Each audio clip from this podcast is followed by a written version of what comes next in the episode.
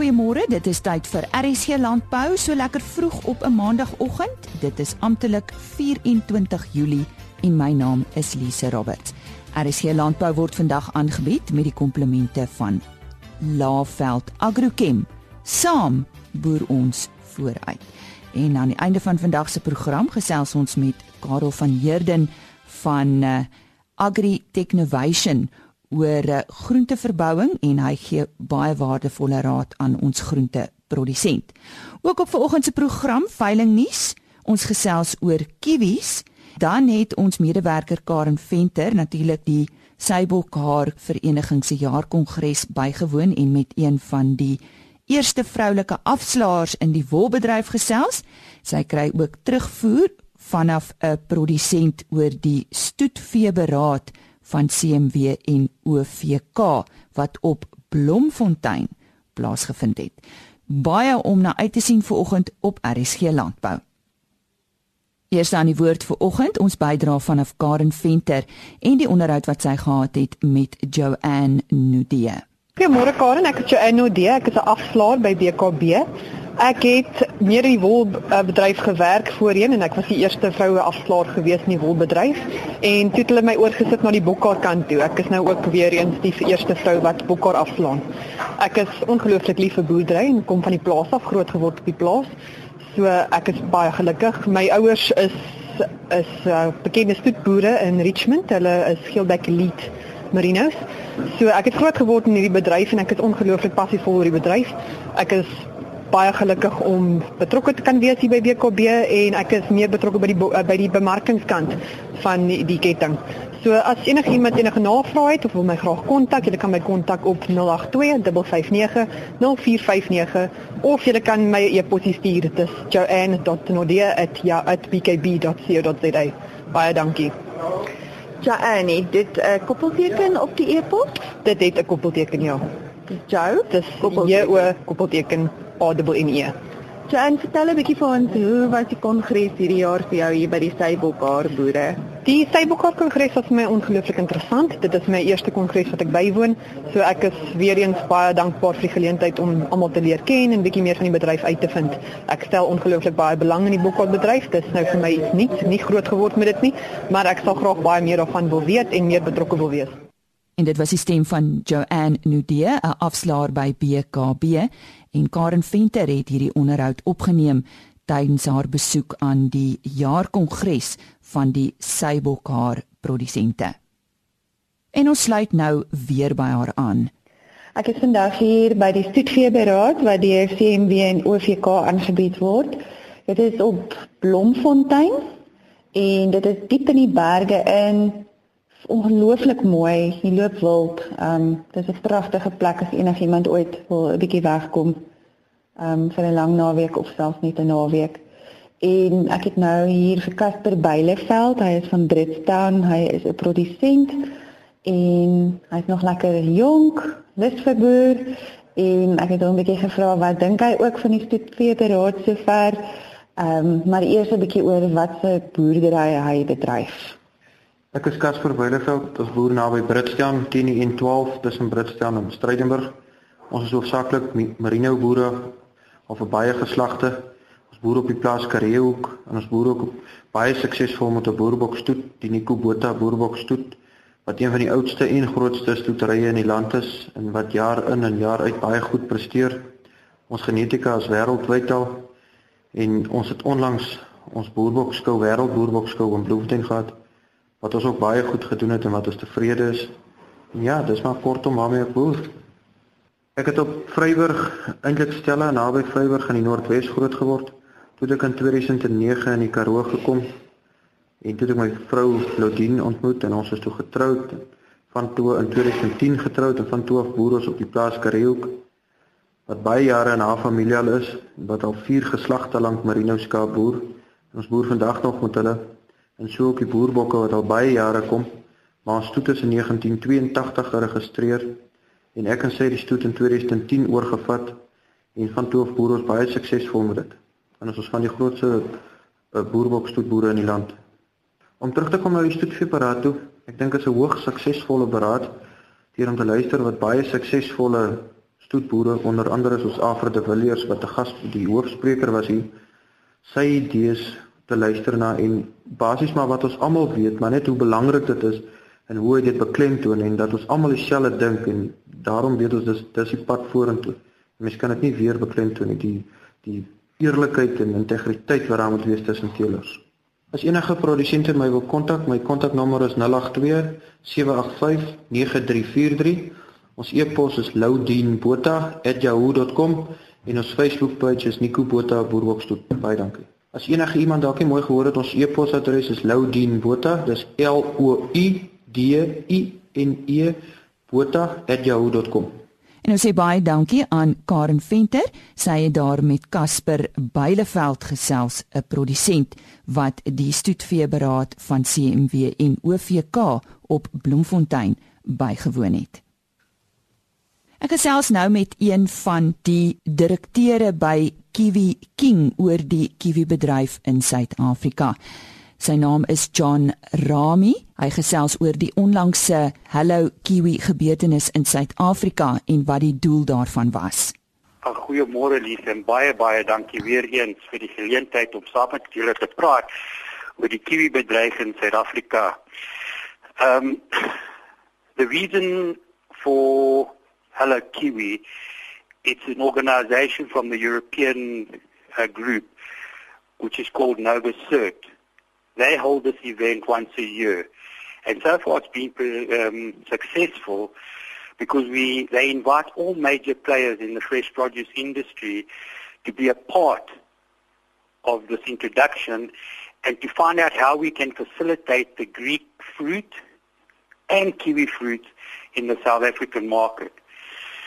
The Hello Kiwi was expected and all importers were, were invited and they bring with them a whole new innovation of the Greek way of exporting their products, not only to South Africa but throughout the world. And I must just say, if I may, I was very fortunate last year to be a part of the organization, and I was fortunate enough to be invited to go out to Greece and to visit the orchards and the pack houses and meet with some of the major producers and learn more and more about their exports and understand their needs to export fruit into South Africa and the rest of the world. Kiwi King and RSA, we are looking forward to doing business with these growers and we are hoping to introduce their fruits into the South African market. And in saying that, we've got to remember that because they are situated on the northern hemisphere, they do not clash with us on the southern hemisphere. So their fruits are, when our summer fruits are going out, their summer fruits are coming in. And this makes us uh, almost a 12-month supply of fruit, generally whether it be kiwi fruit, peaches, grapes, figs, whatever. We will be able to have fruit 12 months of the year supplied on all our markets. And the goal of this event was to provide importers with information on the import requirements and the nutritional value of the kiwi fruit. We were very fortunate to have with us at the meeting uh, a lady from a nutritional world. Her name was Nikki, and she gave a lot of very good and valued information to the nutritional values of the kiwis.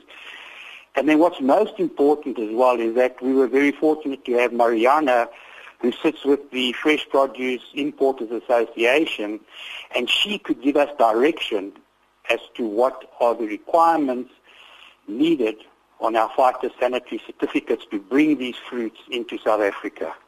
Nou uh die rede hoekom ons uh, kiwis moet invoer, ek dink jy het dit so half uh, al klaar vir ons gesê, maar uh, ons gooi tog ook ons eie kiwis in en en ja, sê vir ons hoekom eintlik voer ons in? Kom ek sê vir jou so, dit Suid-Afrika is 'n baie klein rolspeler in die kiwi uh, kiwi vrug industrie. As jy dink aan hoeveel kiwis wêreldwyd gegroei word, daar is verskriklike harde werk in die ontwikkeling van die Suid-Afrikaanse boorde ingesit. En ek glo dat ons van die beste kiwi vrugte kan produseer. Die seisoen vir kiwis in Suid-Afrika is baie kort. En dit is nodig dat ons vir die oorblywende 6 maande vanaf die noorde en suidelike halfrond invoer. Dit gee ons kleinhandelaars 'n volle 12 maande voorsiening van die kiwi vrugte uh, in Suid-Afrika. Ons ontvang kiwis van Griekeland, Italië en Frankryk vanaf die noordelike halfrond. En soos ek gesê het, gelukkig is hulle seisoen verskil van ons.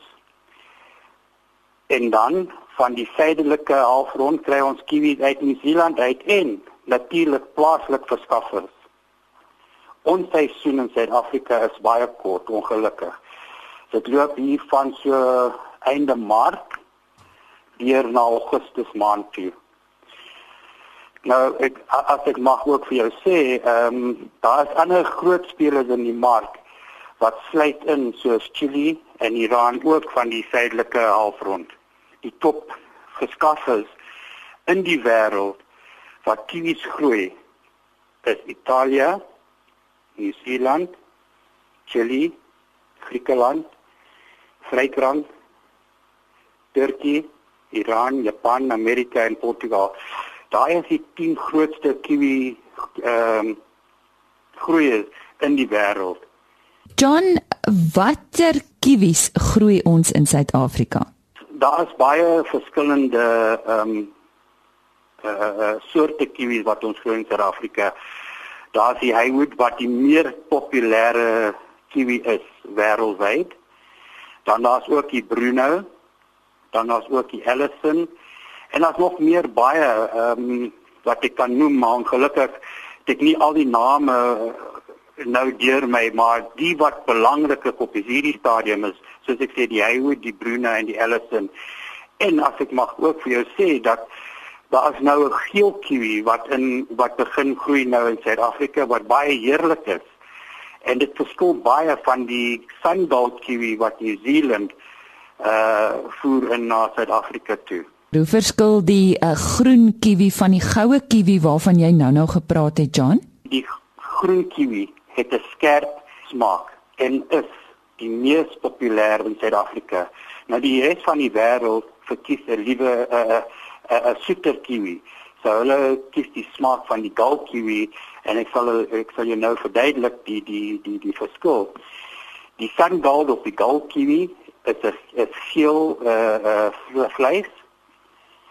En hierdie kiwi het die beste smaak van al twee wêrelde en meer en meer mense nou besef dat die gold kiwi is baie lekkerder. Dit hang af van jouself eintlik of jy wil 'n soet kiwi of 'n 'n 'n suurde kiwi eet. ek sê Ek persoonlik hou van die groen een. Maar kom ons beweeg aan om hier af te sluit. Eh, wat is uh, ons doel in ons bestaande industrie wat kiwi vrugte betref? Ons doel is om die kiwi kategorie leiers in die klein kliënte verhoudings en innovasies te fees asook om kos effektief te wees in die verkryging van beter vrugte wêreldwyd. By Kiwi King en RSA is ons doel om te verseker dat daar kiwis beskikbaar is gedurende die hele jaar Ons wil nie hê kiwis moet net vir 'n paar maande in die winkels gesien word. Dit moet 'n vrug wees wat die kliënte elke dag kan kry. Ons is toegewy om die industrie leiers te wees deur die beste praktyk in ons besigheid te hê. By RSA en Kiwi King streef ons daarna om beide verskaffers en kliënteverhouding op te bou om die besigheid te help groei. Soos enige goeie span het ons 'n gemeenskaplike doel om sukses te behaal. En as ek afsluit nou en ek sorry ek gaan hom nou 'n bietjie afsluit in Engels. And we are very proud with RSA and Kiwi King of our legacy and the confidence about a positive and dynamic future of the kiwi fruit in South Africa. Een van die direkteure van Kiwi King, John Rami. Ons uh, eerste berig oor uh, veilings vir uh, die week, die handel oor die Also Beefmasters se 9de produksieveiling wat op die 25ste Julie plaasvind by die Also plaas in die Middelburg distrik. 50 stoetbulle en 100 koeie en verse word opgeveil deur BKB van Wyk. Fruk Verster is die afslaer. Die Himan Beefmaster produksieveiling vind op die 26ste Julie plaas by Catherton Steinsrust.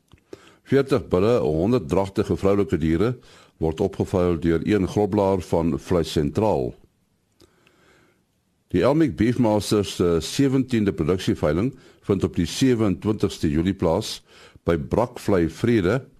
50 bulle en 80 vroulike diere word opgevuil deur Vleis Sentraal. Een groblaar is die afslaer.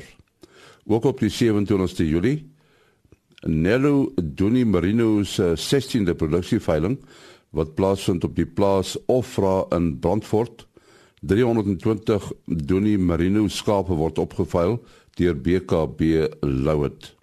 Ook op die 27ste Julie die Deal Bovelders en 'n medeverkopers se veiling vind uh, plaas uh, by Madeira aan Vrede.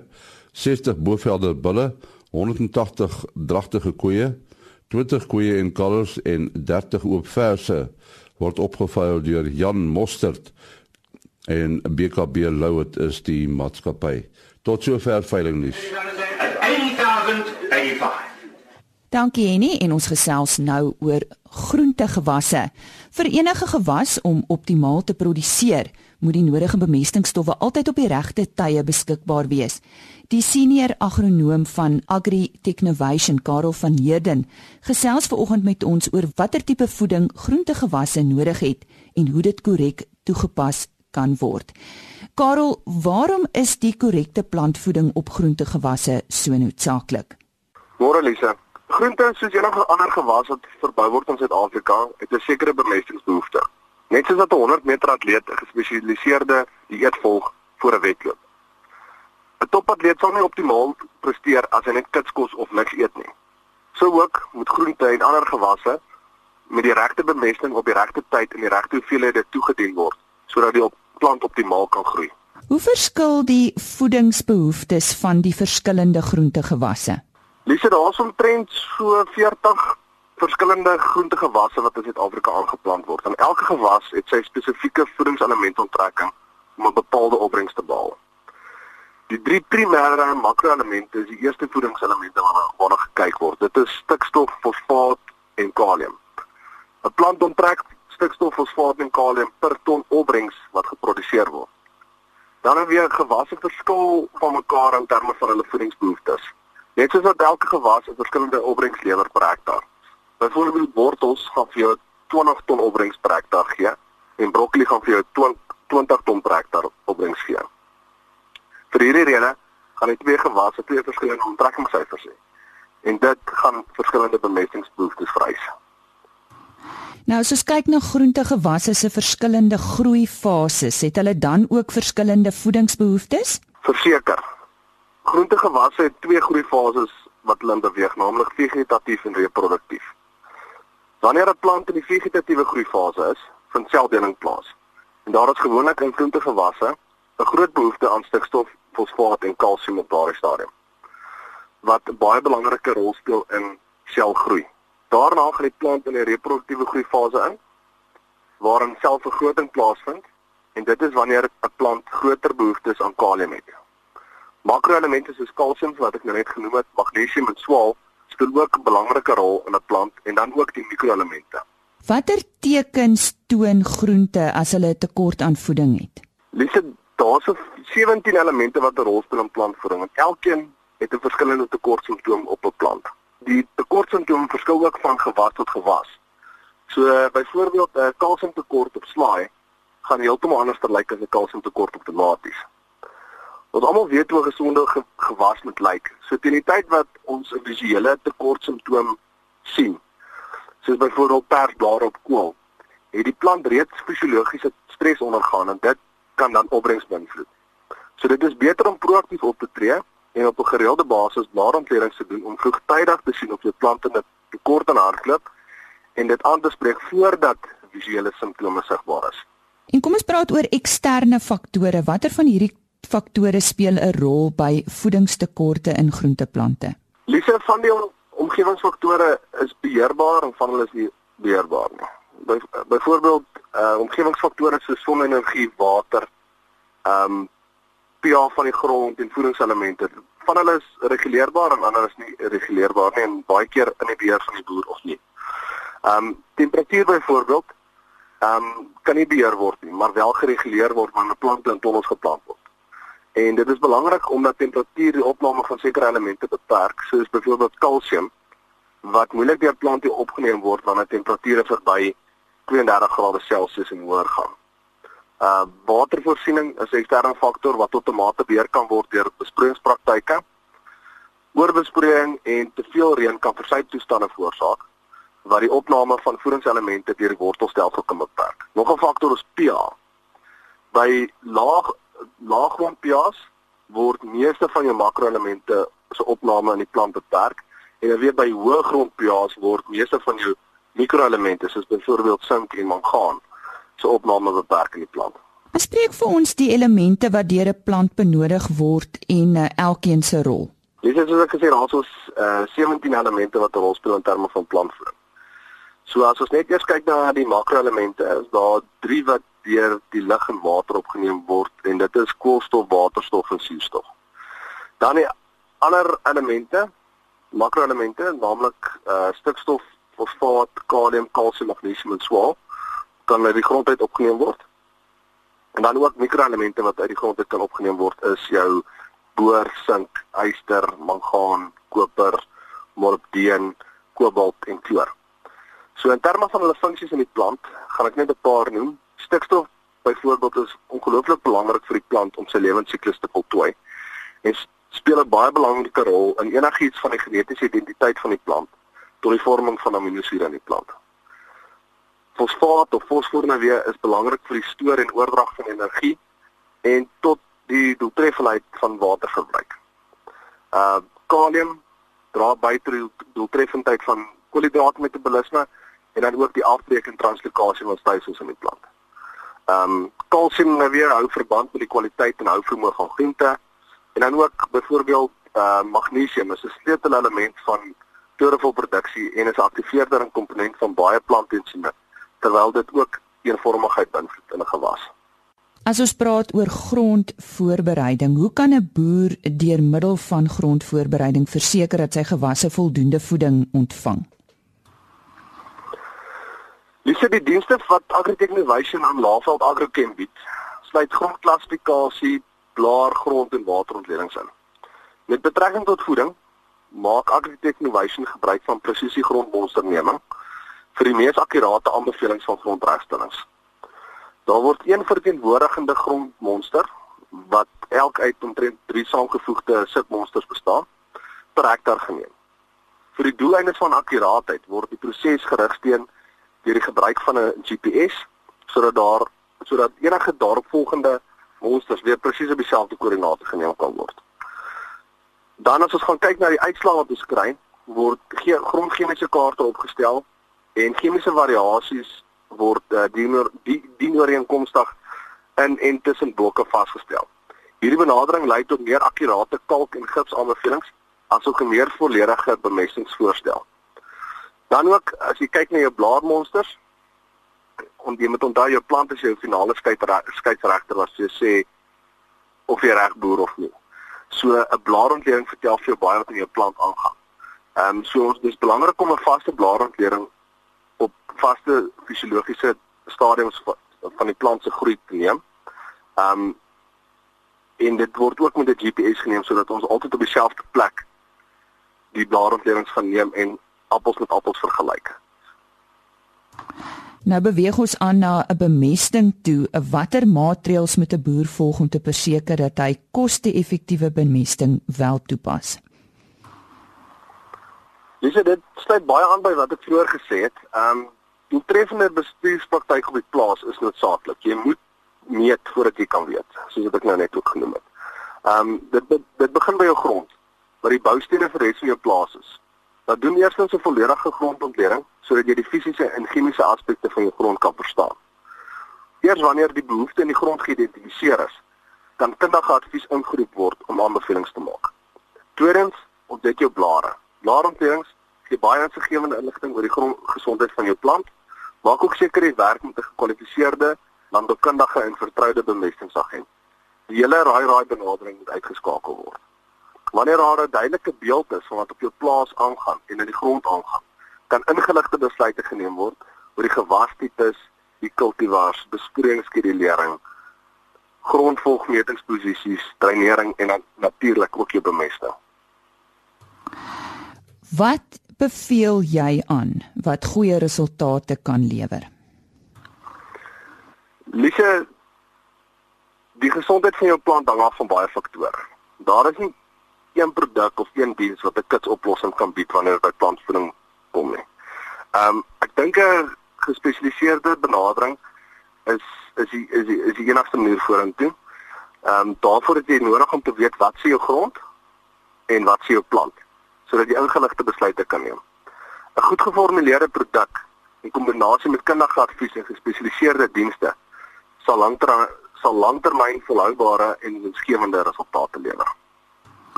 Karel, jy het nou heelwat inligting vir ons deurgegee vir oggend, maar as boere so 'n bietjie meer daaroor wil gaan lees of uh, dalk vir julle skakel, wat is die beste? Dis hulle kan enige tyd na ons webwerf gaan kyk by www.agritechnovation.co.za of hulle kan hulle naaste Laveld Agrichem agent ook skakel in hulle streek en dan met ons kontak tree. Karel van Heerden, senior agronoom van Agritechnovation.